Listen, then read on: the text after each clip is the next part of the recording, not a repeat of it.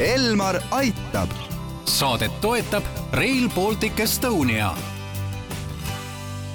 tere, head kuulajad, eetris on Elmar Aitab ja me räägime tänases saates sellest, kuidas läheb Rail Balticu projektil, miks seda ikkagi Eestile vaja on ja milline saab olema Rail Baltic võrreldes juba Eestis toimivate raudteeühendustega. mina olen Ingela Virkus ja koos minuga on stuudios Rail Baltic Estonia juhatuse esimees Tõnu Grünberg, tere! tere! No eelmise nädala algul tulid uudised, et kahe tuhande kahekümne kuuendaks aastaks valmima pidanud raudteele ei jõua rongid tegelikult tõenäoliselt enne kümnendi lõppu, sest ühelt poolt ei jõuta seda tehniliselt ja ehituslikult teostada ja, ja teisalt pole kogu projekti rahastamine kaetud, et äh, kuidas siis praegu projektil läheb, kaugel praegu Rail Balticu Eesti lõigu ajaraamis ollakse? Jah, tegelikult seda, et ähm, viivitus on võimalik, me oleme rääkinud juba mõnda aega, et see ei ole selles mõttes nagu nüüd päriselt päris uus sõnum, aga ühesõnaga sisu on selles, et äh, meil tõesti hetkel igati töö käib ja ehitame selle raudtee kindlasti kohe valmis aga on jah, nagu, nagu, nagu siis nimetatud kaks põhipõhjust, miks äh, tõenäoliselt ikkagi äh, teatav viivis tuleb sisse. ehk et esimene on siis nagu tehnilised põhjused, eks, mis algasid siis Covid pandeemiast, kus tegelikult hakkas viivitus projekteerimises ja noh, see on nüüd paraku jah kestnud. et projekteerimine on, on viibinud ja sellest lähtuvalt noh, kogu see puuahel, mis seal taga on, eks ole, et noh, ei saa maid omandada, ei saa ehitustube, ei saa ehitama hakata ja see kõik on nagu üks, üks plokk. ja teine plokk on see, et tegelikult kui realistlikult arvutada, siis ähm, kogu selle äh, ütleme, finantskate ei ole siiski tagatud praegusest ähm, Euroopa Liidu eelarveperioodist kaks tuhat kakskümmend üks, kakskümmend seitse. et noh, selles võtmes äh, on ilmselt paratamatu, et, et teatav äh, siis viivitus tuleb, aga noh, me anname endast parima, et see oleks võimalikult lühike aga miks siis ikkagi on seda projekti Eestile ja üldse vaja, et äh, mida see kaasa endaga toob või mida see meile annab?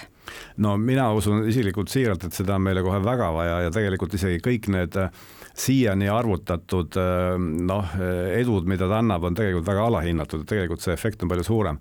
et ühelt poolt noh, see efekt, et me saame ikkagi kiire siis raudteeühenduse Euroopaga, mis on ühtlasi ka ökoloogilise jalajäljega, sisuliselt on noh, praktiliselt nagu null jalajäljega peaaegu, kuna elektriraudtee eeldades, et me saame elektrit hakata ostma kümnendi lõpus, eks ole, sada protsenti rohelisena, on praktiliselt null jalajäljega. et, et see on tegelikult asi, mida noh, on raske üle hinnata. ja siis on noh, muidugi küsimus, et kui palju seal reisijaid on, kui palju seal kaupa on, noh, täna on siin prognoos, et kuskil kuus miljonit reisijat, kuusteist miljonit tonni kaupa, ma arvan, et see on alahinnatud, tegelikult see, need mahud on palju suuremad kas või tasub vaadata, et noh, ütleme enne Covidi aega, eks ole, ainuüksi üle Soome lahe läks, läks kümme miljonit inimest aastas, no et need prognoosid on suhteliselt tagasihoidlikud ja, ja neist juba piisaks, et seda projekti õigustada. No selge on see, et Rail Baltic tuleb, küsimus on millal, aga milline saab siis olema Rail Baltic võrreldes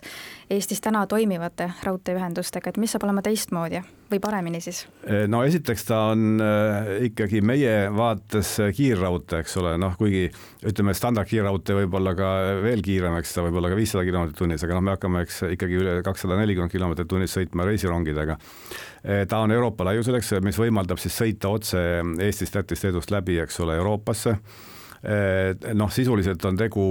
noh, selles mõttes nagu täiesti uue standardiga. aga noh, samas ma tahaks rõhutada, et ka Eesti noh, ütleme olemasoleva raudteel tehakse väga olulisi töid ja sugugi ei ole need Rail Balticu ehitamise pärast jäänud kuidagi unarusse. et tõmmatakse neid nii-öelda sir kurve sirgemaks, et saaks kiirust tõsta, eks ole, kuni saja kuuekümneni. et tegelikult töö käib kogu Eesti raudteevõrgustiku moderniseerimisega ja ma arvan, et Rail Baltic annab sellele suure meeldiva panuse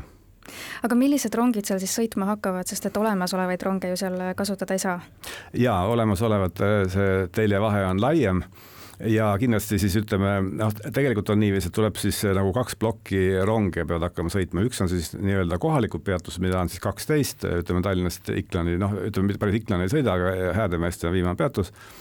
ja sinna tuleb siis osta jah, eraldi äh, rongid, mis on siis Euroopa laiusega, saame kindlasti uued rongid. Äh, äh, aga siis on vaja leida see operaator, eks, noh, see võib olla näiteks Elron, oleks väga meeldiv, kui Elron võtaks selle funktsiooni, aga no põhimõtteliselt see on nagu turu küsimus juba, vaba turu küsimus. või siis strateegiline otsus, eks ole, riiklik. nüüd, mis puudutab rahvusvahelist liiklust, siis sinna tuleb samamoodi konkurss seal võib hakata näiteks teenust pakkuma noh, keegi suur Euroopa tegija, näiteks Deutsche Bahn või, või seal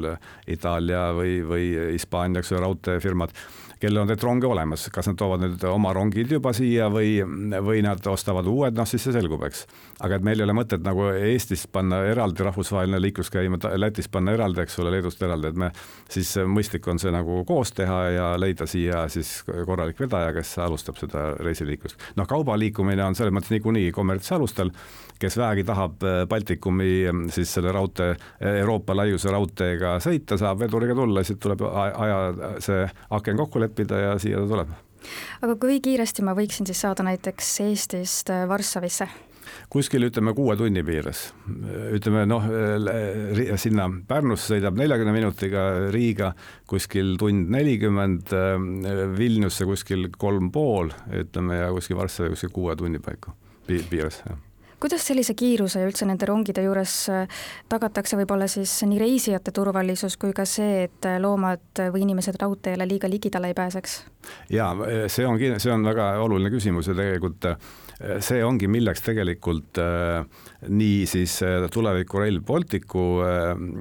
siis raudtee on tegelikult ümbritsetud, eks ole, ikkagi nagu läbipääsu mitte võimaldava taraga, nagu täpselt seda on ka nüüd ehitatavad neljarealised teed, eks ole. et tegelikult see hoiab ära nii loomade kui inimeste eh,